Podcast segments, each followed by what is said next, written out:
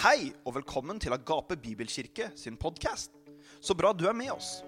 Her kommer du til å høre undervisning fra kirken, og uansett hvor du er, så håper vi dette budskapet vil inspirere, oppmuntre og velsigne deg.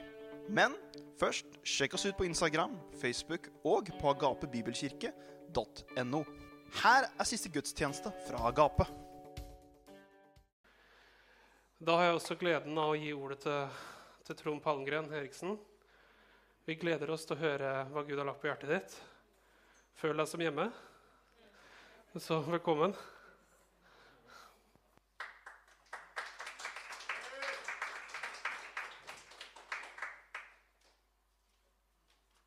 Ja, takk for det.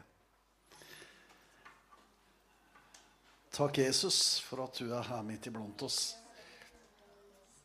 Takk for at du ser det som griper hjertet, så det griper tak i også midlene våre til å være med og hjelpe hverandre på veien. Takk for gaven som kommer inn til Evangeliesenterets arbeid i dag, Herre. Du velsigner den enkelte spesielt tilbake for det. Takk, Herre, for at vi står i fellesskap. Takk for at vi tilhører ditt rike. Takk for at vi får lov til å oppleve, Herre, at eh, der hvor du er iblant oss, Herre, så får vi lov til å kjenne dette spesielle fellesskapet i Den hellige ånd. Og at vi kan dele Guds ord og vår egen historie med hverandre, så vi kjenner at vi blir oppbygd, Herre. Vi kjenner vi kan få lov til å stå skulder ved skulder, Herre. Og oppleve det at uh, vi har fred med deg og fred med hverandre. Og vi får lov til å leve ut dette gudslivet som du har gitt oss i frimodighet i Jesu navn. Amen. Flott å være her i Agape, i Guds uh, kjærlighet. Som det jo da betyr. Og så må jeg prøve å stå litt sånn midt imellom her, for jeg må prøve å Jeg ser dere får følge med baki der. Så jeg hender jeg beveger meg litt, da, så, så det hender du får et glimt av og til. Jeg å si som en annen Ja, ja, jeg vet ikke. Han sa det jo sjøl, Åge Samuelsen, at uh, det er ikke så veldig mye å se på, men det er vel verdt å høre på. Sånn, så det er på en måte det er litt mer Bruke øra mer enn øya, kanskje, akkurat der. Og så er det flott å være her hos Laura og Øyvind, da. Og så så jeg på sånt glimt på veggen her at dere feira ti år. Så nå har dere bikka ti år, altså. Ja, så flott. Tenk deg det. Yeah. Veldig bra. Eh, forrige gang jeg var i menigheten, da lå han på andre sida her. Så sier Øyvind at ja, vi har flytta tre ganger, så det er klart at uh, det er uh, Staden med de faste grunnvoller, de er der oppe. Mens her så er vi liksom litt på vandring ennå. og det, det er jo greit, og det betyr jo på en måte at det er ikke selve bygget som er menigheten, det er flokken som er menigheten. Amen. Så der flokken der, der er menigheten. Litt uavhengig av lokalet. Det har dere bevist. Så bra. Så er det flott å være her med Mai og Knut, da, som har jobba i senteret 2010. Kom de inn der, og så er de på avslutningskapitlet nå, da. Sånn er det. Og uh, Anita og jeg, vi skulle ha en tur uh, til USA. Og så skulle vi ha med noen, så tok vi med Mai og Knut, og det var fint. Da var vi borte på Teen Challenge, og vi var borte på Dream Center og i Los Angeles. Og vi var nede i San Diego, og så kom vi hjem, da, så får vi plutselig høre at uh, de har strekt seg litt lenger. De har gått over grensa til Mexico og, og litt sånn forskjellig. Så uh, jeg vet ikke hva som kom først eller sist, eller hvordan ting skjedde, men iallfall så sitter det et par stykker her som er veldig smilende. og Øyvind han får en helt fin farge, ser jeg nå.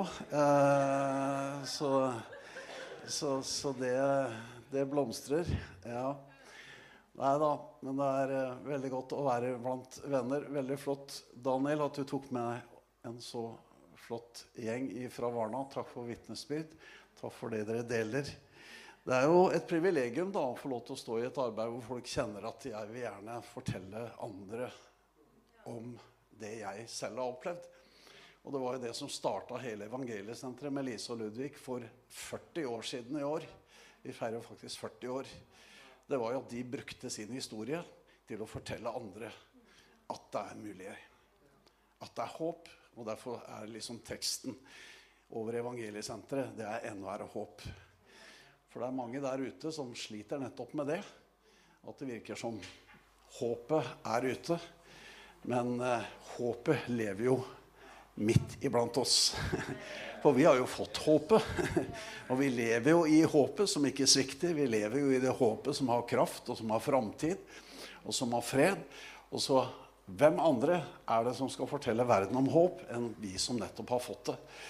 Nettopp det at Jesus Kristus er verdens håp, og han er det levende håpet.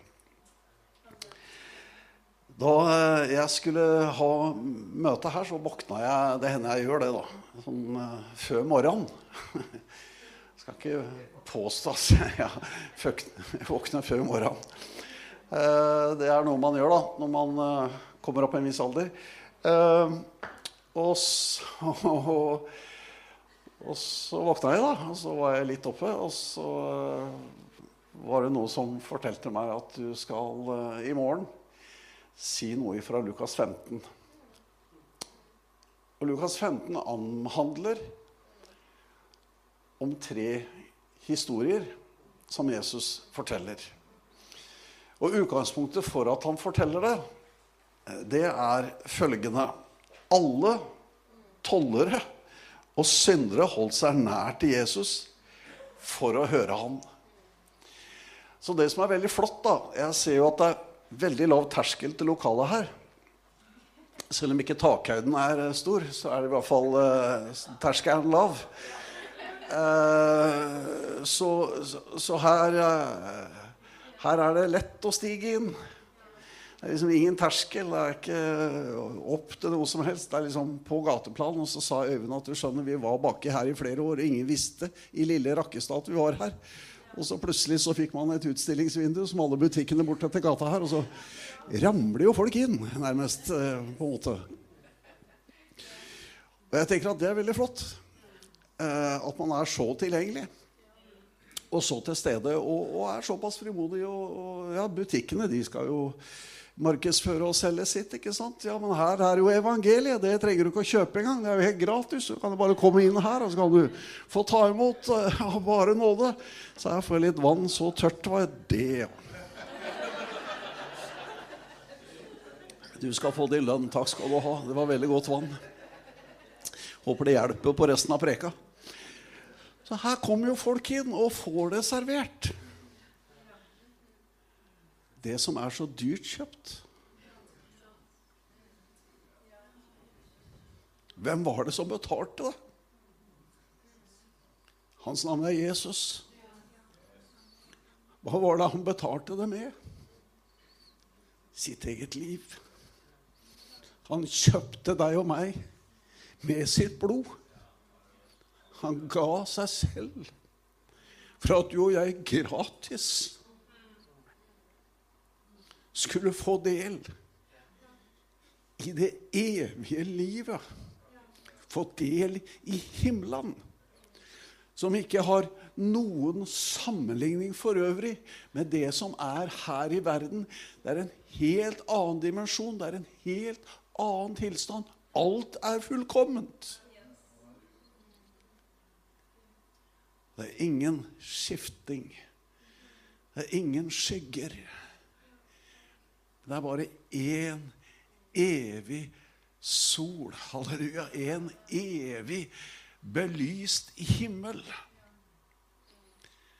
Fantastisk å kunne si til mennesker dette er en gave fra Gud til deg. I navnet Jesus Kristus. For det finnes ikke noe annet navn som vi kan bli frelst ved, som vi kan få kontakt med Gud. Men i Jesu Kristi navn så blir vi født på ny. Halleluja. Og så er jeg allerede i gang med preka. Jeg syns det går halleluja sånn veldig greit.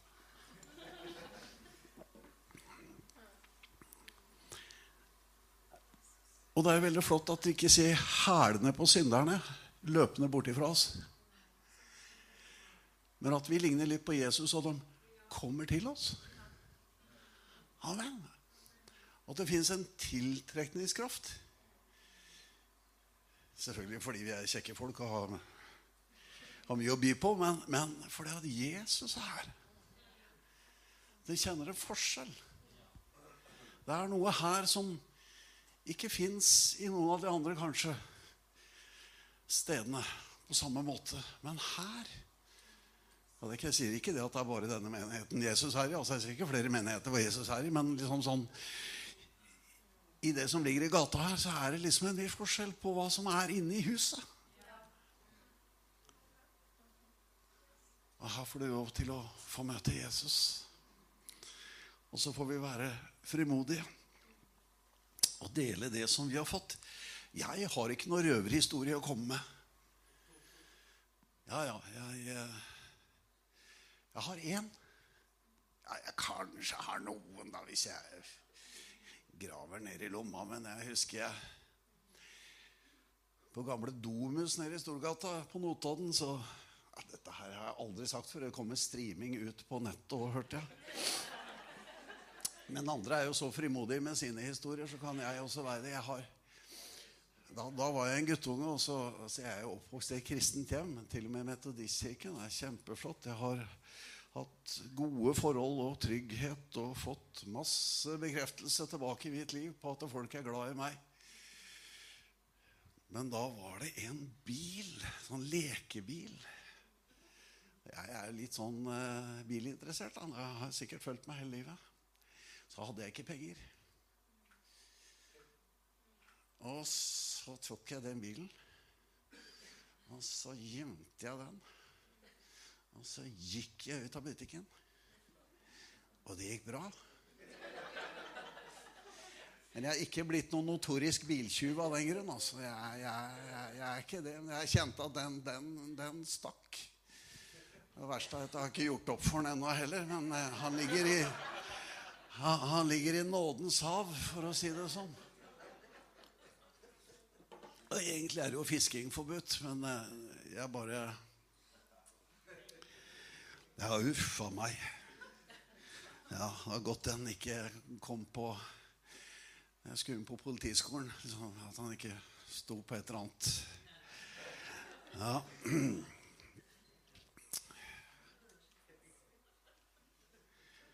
Vi trenger jo Guds nåde, alle sammen. Jeg tenker at Det der var ikke så svære greiene. Altså, Du må jo bla opp noe mer imponerende enn det. For meg så, så, var det tilstrekkelig det for å kjenne på at man eh, hadde gjort noe som ikke var greit. Og vi trenger alle nåde, enten det er en liten lekebil eller at vi stjeler hele parkeringshuset, for å si det sånn.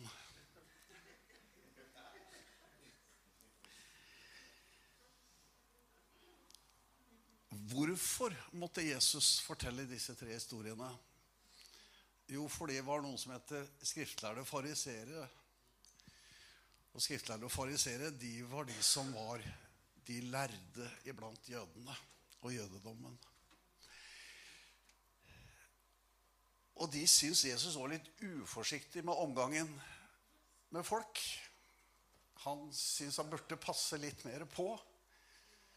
For det å være sammen med Tollere var en helt spesiell sånn gruppe mennesker som var nesten sidestilt type syndere. Fordi de da jobbet for det romerske riket, som da hadde hånd om eh, Jerusalem og Israel på den tida. Og så gjorde de både avtaler over og under bordet og var ikke så velsett. Så det med tollere det var en helt sånn sidestilt, spesielt gruppe syndere. Og så var det sånne vanlige syndere. Og de skriftlærde de klaga på hva da? Denne mannen tar imot syndere og spiser sammen med dem. Og for en jøde å sette seg ned og spise med noen, det er ikke bare å dele mat.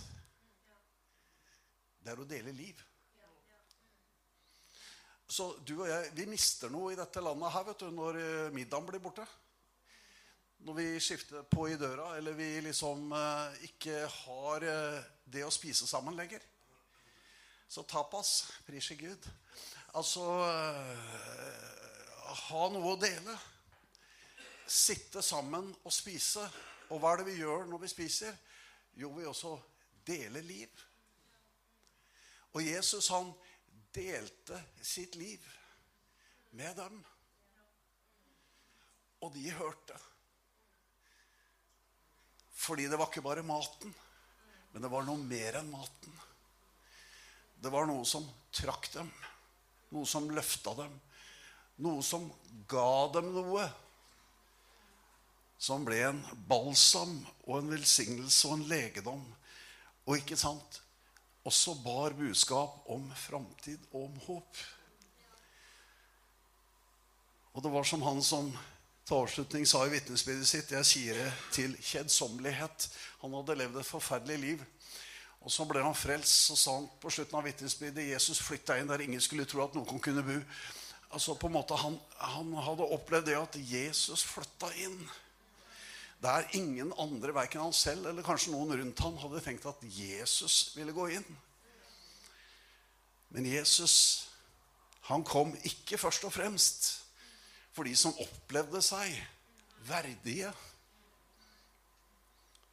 Men han kom for de som følte på uverdighet. Som mangla et løft. Som mangla en arena for å kjenne at jeg er akseptert. Jeg er en som også blir sett. Jeg er også en som noen bryr seg om. Og når Jesus bryr seg om mennesker, så kjenner de det.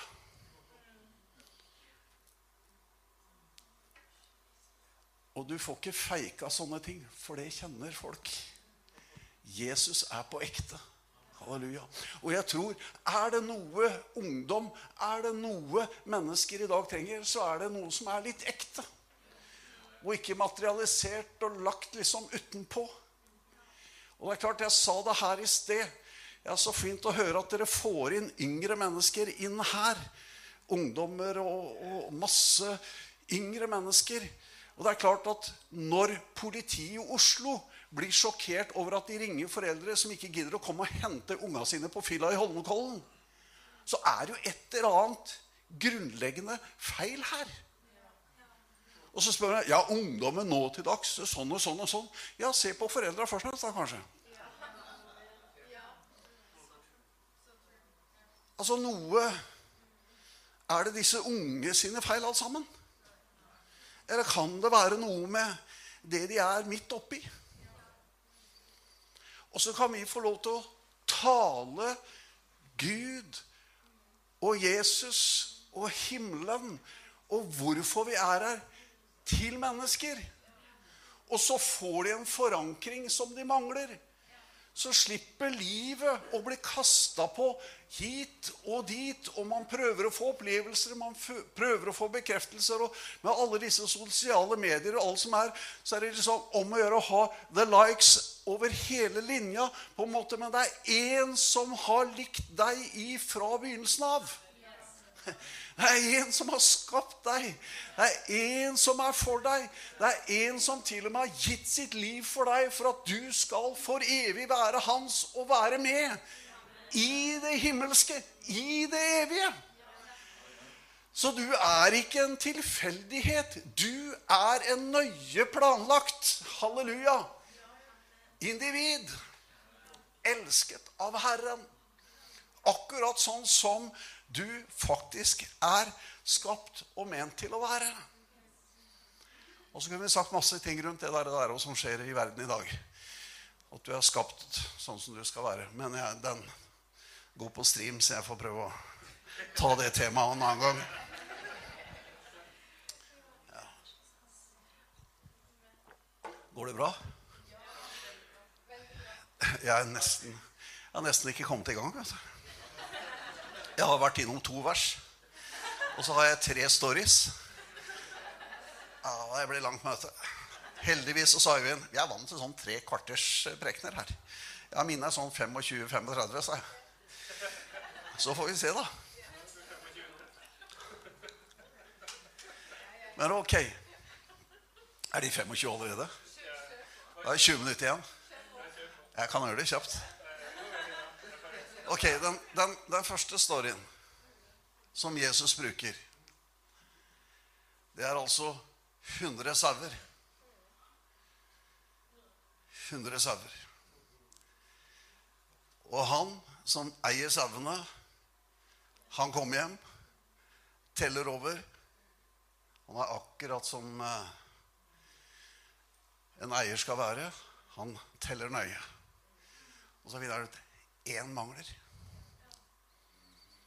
Jeg vet ikke hva sauen het, eller hva han var for noe, men eh, det var én. Og så tenker han Kunne ha tenkt Ja, jeg har jo 99. Én til eller fra. Det spiller ikke så mye. Jeg får ta vare på de som hadde vett å bli med hjem, liksom. De som fulgte flokken. Følger du ikke flokken, jeg får ha det så bra, da. Da ble du hengende igjen. Sånn var det. Nei, han forlot de 99. De var trygge. Hvor er du hen? Hvor er du hen? Hvor har du gjort av deg? Hvor sitter du fast hen? Hva er det som har grepet tak i deg? Hva er det som gjør at du mista flokken? Hva var det som gjorde at du hang igjen et sted? Og så kaller han underveis, og så hører han Ja, Jeg er ikke så flink til sånn meking. Jeg er ikke så flink til det. Men så hører han Der er en. Og så går det sier Det er ikke naboens, det er min. Slenger den på skuldra, dra hjem. Setter den inn blant de 99. Og så er det ikke slutt der. Da sier Flo nå må vi være glad og feste. Fordi Gled dere med meg, for jeg har funnet sauen min, den som var tapt. Og så sier Jesus, jeg sier dere at på samme måte skal det være større glede i himmelen over én synder som omvender seg, enn over 99 rettferdige som ikke har bruk for omvendelse. Glede i himmelen. De skriftlærde hadde ingen glede av det på jorden. I himmelen hadde glede av det. Han som fant igjen det som var tapt, han hadde stor glede i sitt hus, og han ville meddele til omgivelsene Se her. Jeg fant igjen det som var tapt. Så kommer Jesus inn på story nummer to, og da er det ti sølvmynter, står det i en oversettelse. Ja, Det kan brukes forskjellig, men det er snakk om en, en penge. En, en større verdi. Og plutselig så teller hun over, og så kommer hun til ni. Og så er den tiende Den er ikke der. Og så kunne hun også tenkt at ja, ja, ni er ikke så verst. Trenger jo ikke ha ti. Og så er det noen som går litt, litt sånn dypere liksom inn i jødedommen. Og at noen eh, hadde en sånn bryllupspynt på seg hvor det skulle være ti mynter. Og når én er borte, så er det klart det ser jo litt sånn ikke helt fullkomment ut. Kanskje det var en sånn type mynt. Jeg vet ikke, Men uansett så var det i hvert fall en betydelig verdi. Så hun tenker at jeg, jeg må finne den, for han må jo være her et eller annet sted. Så det hun gjør, er at hun setter på lyset. Og så begynner hun å feie og rydde. Og så plutselig så finner hun Der er den. Be, så skal du få. Bank på, så skal det bli lukket opp for deg. Og let, så skal du finne. Så ble det fullkomment. For Gud, han vil at det skal være fullkomment. Gud vil ha fullt hus. Gud vil ikke ha 99. Han vil ikke ha 98. Men Gud vil ha 100. Halleluja. Gud vil ha 10. Gud vil ha deg. Gud vil ha meg. Gud har i Jesus Kristus forsont verden med seg selv. Amen. Han har gjort det 100% Ikke for at det skal bli, få 90% virkning. Nei, for at det skal bli fullkomment. Halleluja. Derfor er jeg fullkommen frelst så langt jeg er kommet til Kristus Jesus. Halleluja. Det betyr at jeg er ikke i meg selv mens jeg er her fullkommen ennå. Det er ting å ta tak i. Jeg vet ikke hvordan det er med deg, men jeg kjenner fremdeles at det lugger i bakken. Derfor er jeg på en vei med Herren inntil vi skal bli løfta opp til målet. Så sier denne som fant mynten, 'Gled dere med meg, for jeg har funnet mynten igjen som jeg mista.' Altså gleden over å ha funnet noe igjen. Jeg vet ikke om du har hatt det sånn hjemme. Ringen er borte. Kjedet er borte. Passet er borte. Så, jeg, jeg, jeg, og mo, mo, det verste i dag er mobilen er borte. Hele livet mitt er borte. Han ligger i den derre dingsen. Ring, ring! Hør hvor den er hen! Panikk. Tenk om noen fikk tak i mobilen. Kan hele mitt liv Ikke vær redd, de vet alt om deg likevel, for du ligger igjen så mye informasjon til datafangst på den telefonen. De, de kjenner deg snart bedre enn du kjenner deg sjøl. De da lager algoritmer, og de, de, de, de regner musikken ut av livet ditt og sender deg forskjellige låter. vet du. Forskjellige beskjeder. Jeg må finne igjen.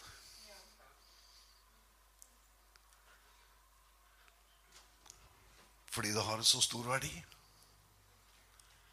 Det har en så stor verdi. Jeg ønsker ikke at det skal gå tapt. Jeg ønsker å ta det tilbake. Så er det siste storyen. Da har jeg ti minutter på den.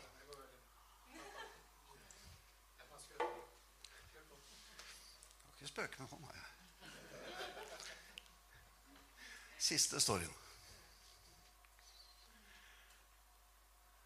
Da er det to sønner og en far. Og han ene sønnen, til forskjell fra den andre sønnen, hadde veldig trang til å reise fra huset. Kjente det at her var det for lite spenning. Her var det for mye rutine. Her var det for mye hverdagsliv. Her var det for mye arbeidsoppgaver. Her var det altfor lite av alt det han liksom kjente på at Å, jeg skulle vært et annet sted.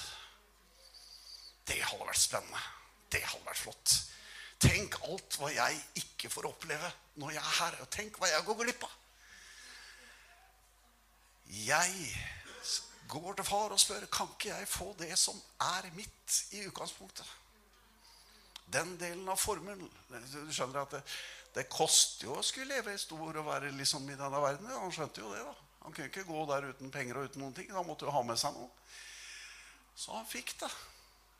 Jeg syns det nesten er litt rart. Men faren ga han det faktisk.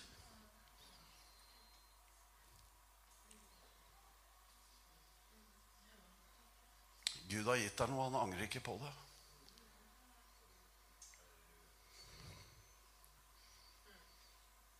Og så går han.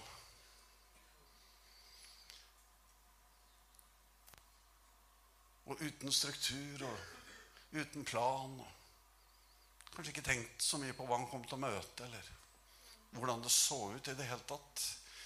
I det landet langt borte. Så han skulle skape en veldig distanse mellom hvor han kom ifra, og hvor han ville hen.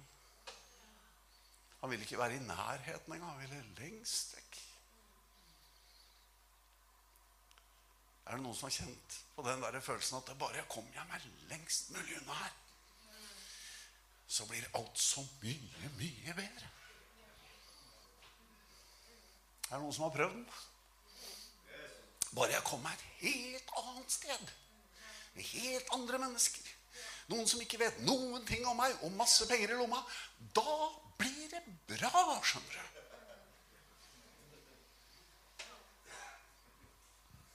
Men de første folka som kobla seg til han, var jo ikke akkurat de han burde ha truffet. For det er rart med det at det, som liksom er i deg, det kobler du sammen med andre som har noe av det samme i seg. Og så er det i gang, vet du. Så de tø Det ble jo etter hvert tomt i disse lommene.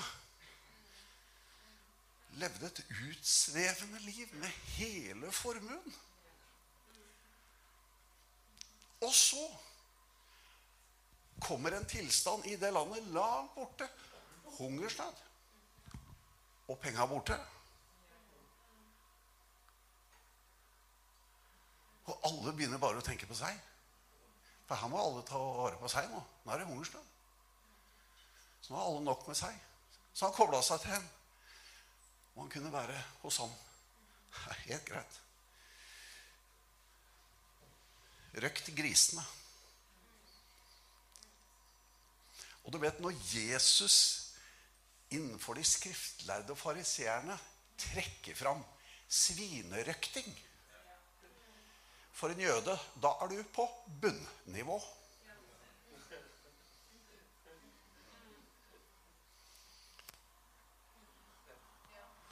Det er et dyr som jødene verken stort sett holder eller spiser. Da er du på bunnivå. Og ikke får han mat heller, for det er jo hungersnød. Men det som grisene får, det tar også han av. Og så, min kjære venn, vers 17. Men da kom han til seg selv og sa, hvor mange av min fars leirtjenere har brød i overflod, mens jeg går til grunne av sult. Plutselig et øyeblikk så skjønte han situasjonen. Og egentlig da så kunne man tenke at det var altfor seint. Men det er da vi sier i Evangeliesenteret nå er det håp.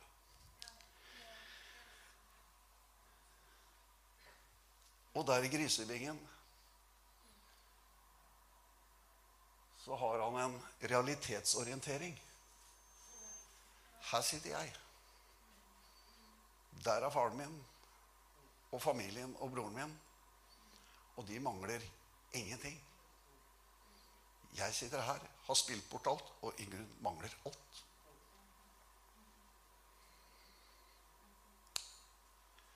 Jeg går hjem igjen. Men hjem blir kanskje ikke det samme som hjem var før. For jeg har jo mista totalt verdighet. Jeg har forspilt. Jeg har opptrådt så hele slektsnavnet og alt der hjemme Det er jo blitt sverta på på grunn av det livet jeg har levd. Men allikevel så tenkte han jeg må dit. Og når jeg kommer dit, så er det kanskje ikke som sønn lenger, men i hvert fall som en av tjenerne. Han kjente farshjertet såpass at det kunne han kanskje se for seg. Så der i grisebingen så begynner han å formulere sin bekjennelse. Fordi han kom til seg selv. Han kunne ikke skylde på alle de som hadde vært med og tømt lommeboka hans. For alle de som hadde vært med på å og vi kan gjerne ofte si at ja, men det, det var jo påvirkning. Det var jo den skyld og den skyld. Det var jo sånn og sånne omstendigheter. Og Nei, det var dine lommer, og det var dine penger, og det var ditt liv og ditt valg. og hvem du ville være sammen med. På en måte Han skjønte at måtte komme til seg selv. Og så fikk han klarhet. Og så satt han der og gjorde klar bekjennelsen. Far, jeg har syndet.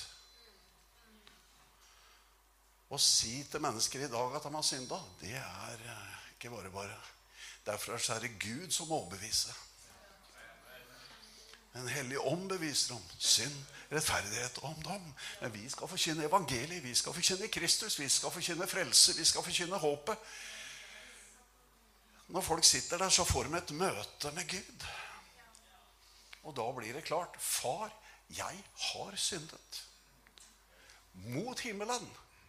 Tenk, han tok med deg, du. Og mot deg. La meg få lov til å være som en av dine tjenere, en av dine leiekarer. Han gikk og trente på den hele veien hjem. Visste hva han skulle si. Så når faren løp han i møte, så sto han rak i ryggen og så sine far i øynene og sa, 'Far, jeg har synda. Jeg har bomma så totalt.' Med livet mitt, med valgene mine, med prioriteringene mine, med vennene mine, med alt jeg har gjort. Jeg har bomma på målet så totalt. Jeg har synda. Jeg har brukt livet mitt helt feil. Alt det du ga meg, har jeg sløst. Jeg har gjort ting som jeg aldri skulle ha gjort.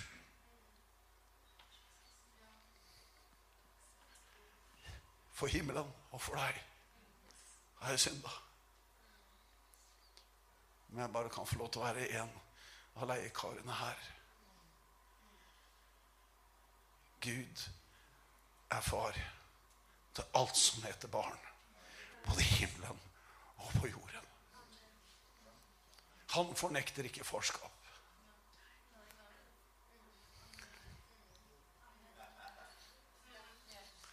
Han løper ikke fra farsrollen. Han er far for deg. Forstår du? Han er far for deg. Så hva er det som skjer? Det blir glede i huset. Han fikk inderlig medfølelse med ham. Han sprang ham i møte, falt ham om halsen og kyssa ham. Det var hans eget kjøtt og blod. Det var hans sønn.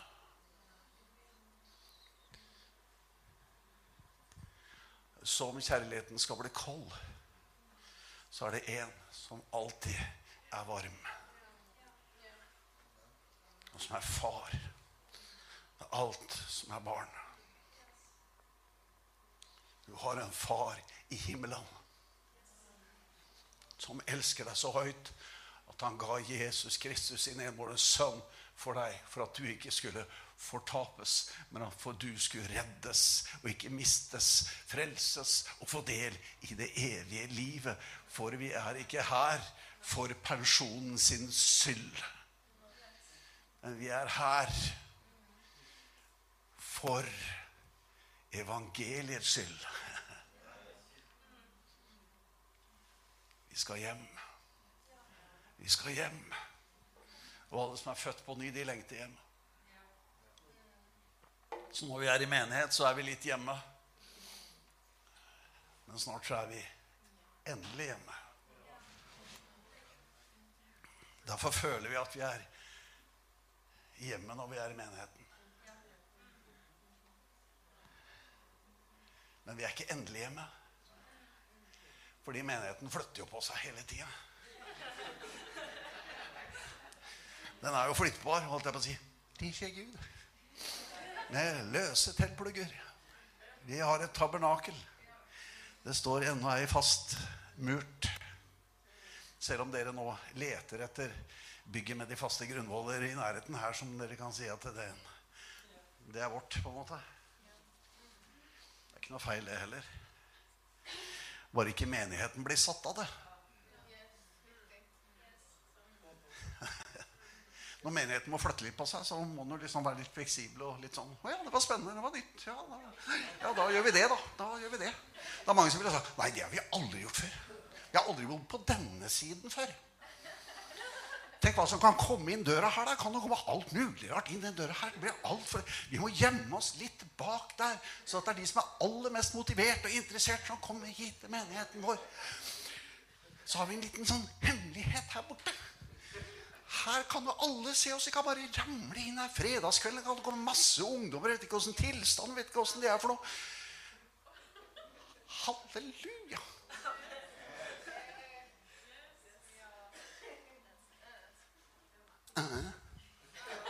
Det var den meksikanske versjonen av halleluja.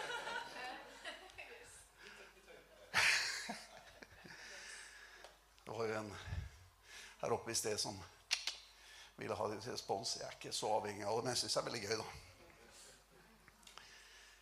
Så han får festdrakt, han får ring. Han får sko. Gjøkalven må bøte livet. Det var som Ludvig sa, Vi har ikke så mye gjøkalver, men vi spretter en fiskeboks han, og har et festmåltid. Så det er ikke alltid at det er selve retten som gjør festen. Det er liksom selskapet og innholdet i seg selv.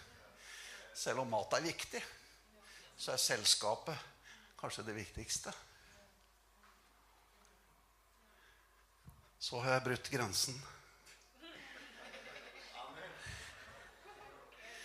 For den sønnen min var død og ble levende. Han var fortapt og blitt funnet, og festen og gleden begynte. Og så var denne eldstebroderen som Ludvig preka mye om, en eldre bror. Det var noen eldstebrødre som fikk gjennomgå når Ludvig preka.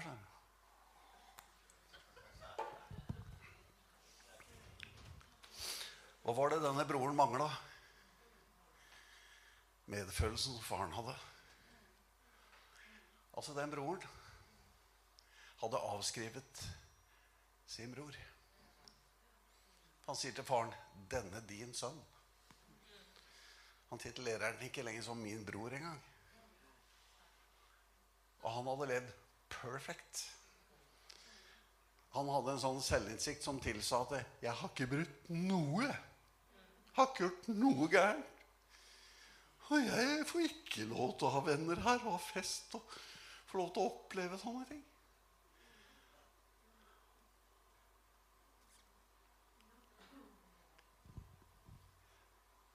Men så står det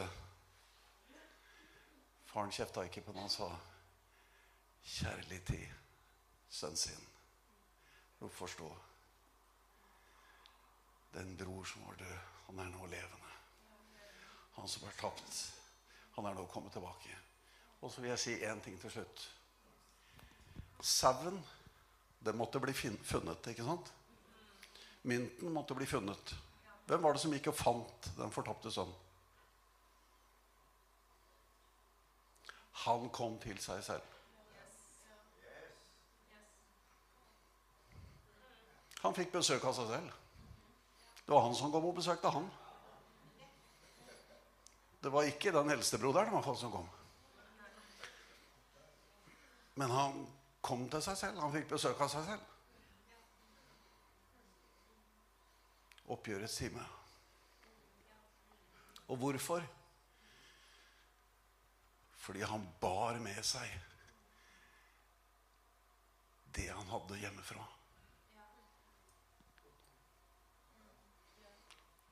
Du har med deg noe hjemmefra som søker, og som lengter. Det du ikke forstår engang, hvorfor du er på leit, hvorfor du har behov i livet ditt. Du har det hjemmefra. Han som har skapt din kropp, din sjel, din ånd.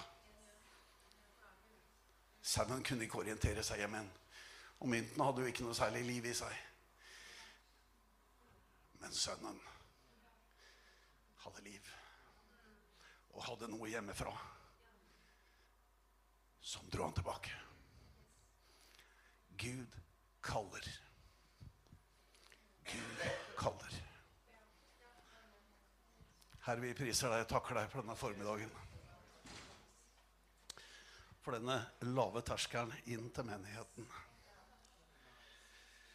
for denne rike historien som forteller at vi har fest og glede sammen med himmelen for hver den synder som kommer og omvender seg. Herre, jeg takker deg for menigheten skal være en tiltrekkende kraft på syndere og tollere. Og alle kategorier syndere. Herre, du frelser syndere av alle slag. Herre, jeg takker deg, Jesus Kristus, at vi får lov til å dele bord med deg. Og vi får dele bord med hverandre. Og vi får dele bord med de som kommer inn. Vi får dele av det vi har fått. Vi deler et samfunn med hverandre. Det samfunnet vi har fått av deg. Og så har du gitt oss gaver. Den enkelte så har du gitt menigheten tjenester, Herre. Så har du gitt oss muligheter til å betjene hverandre. Og de som kommer inn, Herre, så de kan virkelig se at det er en dimensjon av fars kjærlighet i huset. Og det fins en medfølelse, det fins en empati når mennesker kommer, Herre. Fortapte, bort Ja, bortgjemte, Herre, de som på en måte forsvant et eller annet sted. Jesus, takk at du kaller mennesker tilbake. Takk at evangeliet går ut, Herre, i hele verden, også her i Rakkestad og i Norge. Til kallelse, halleluja, til liv og samfunn med den levende Gud i Jesu Kristi navn. Takk at du er her, og du virker midt iblant oss. Det er derfor vi har Kristi kropp og Kristi menighet. Halleluja. For det skal øke. Det skal bli flere. Skal få høre, skal få møte og skal få kjenne og skal få lov til å bli frelst, Herre. Halleluja. Som lyn kommer ifra himmelen, så treffer det mennesker midt i hjertet, Herre. Halleluja. Med en kraft ovenfra. Halleluja. Som gjør en stor forandring i menneskers liv, Herre. Jeg takker deg for at du er her på dette stedet. Jeg takker deg for menigheten her. Jeg takker deg for den enkelte som er her, her og de som lytter og ser på strømminga. Herre Jesus, jeg priser deg at du er alle stedsnærværende i formiddag. Jesus, og vi får lov til å glede oss for de som kommer. Vi får lov til å være en god mottagelseskomité for de som kommer inn forbi, Herre. Så de får kjenne fars husets kjærlighet, Herre. Jesus Kristus, at her er det medlidenhet. Her er det et sted hvor du, Herre, har forsont mennesker med deg selv i Jesus Kristus. Hos deg er det håp, det er fred, det er legedom. Halleluja, det er utfrielse. I Jesu Kristi navn. Hva en lenke og hvert bånd, Herre, er brutt i Jesu Kristi navn. Halleluja. Keralama sentualma. Halleluja. Jesus, jeg priser deg at du tar oss ifra svakhet til styrke, ifra tilbakeholdenhet til frimodighet, Herre. At mennesker skal få opplyste øyne, og de skal få se hvem du er. Og vi skal få se hva du har kalt oss til. Hvem vi skal være i deg, Herre. Halleluja. Takk at du utruster ditt folk og din menighet, Herre. Så vi kan bli formidlere av din nåde, Herre av den frelse, Jesus Kristus, som du har for hver enkelt, Herre. Jeg takker deg. Så vil jeg be spesielt for de unge, Herre. De som eh, kjenner noe av denne rotløsheten. Kanskje mangler tilhørigheten, eh, identiteten, Herre. Gud i himmelen, takk at i deg så er det identitet, Herre. Takk at i deg så er det tilhørighet, Herre. Hos deg, Herre, så er det evige. Halleluja. Det som har vært og er og alltid kommer til å forbli. Her nede er det bare et midlertidig oppholdssted. Vi er på vei mot det fullkomne.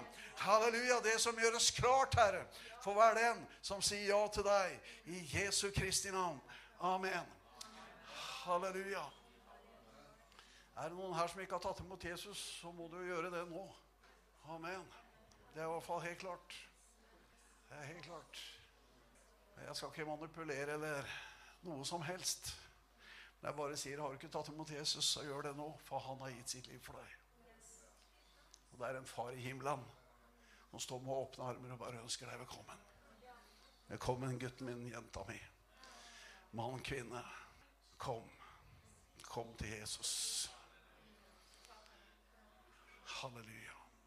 Tusen takk for at du var med oss i dag. Vi vil gjerne høre fra deg og vite hvordan vi kan be for deg. Ta kontakt med oss enten via sosiale medier eller på nettsidene våre, så håper vi at vi ses ganske snart.